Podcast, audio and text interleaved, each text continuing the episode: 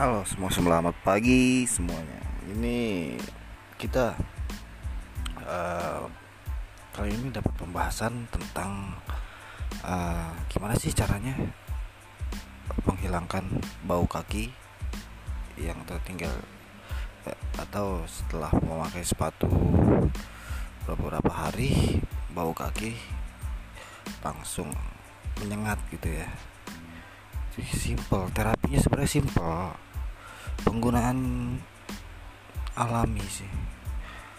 Ini peran alamiah lagi. Jadi di sini uh, langsung aja pada intinya. Kalian tahu daun sirih satu lembar daun sirih muda yang hijaunya nggak terlalu pekat ya yang hijau muda itu kita setiap kita pakai sepatu kita letakkan di tempurung kaki. Ya di atas jadi di atas kaki. Di atas kaki kita.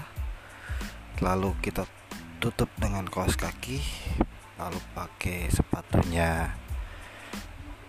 Gitu aja. Simpel kan? Uh, lakukan berulang ya. Lalu lakukan berulang kali terus terus menerus sampai benar-benar bau kaki hilang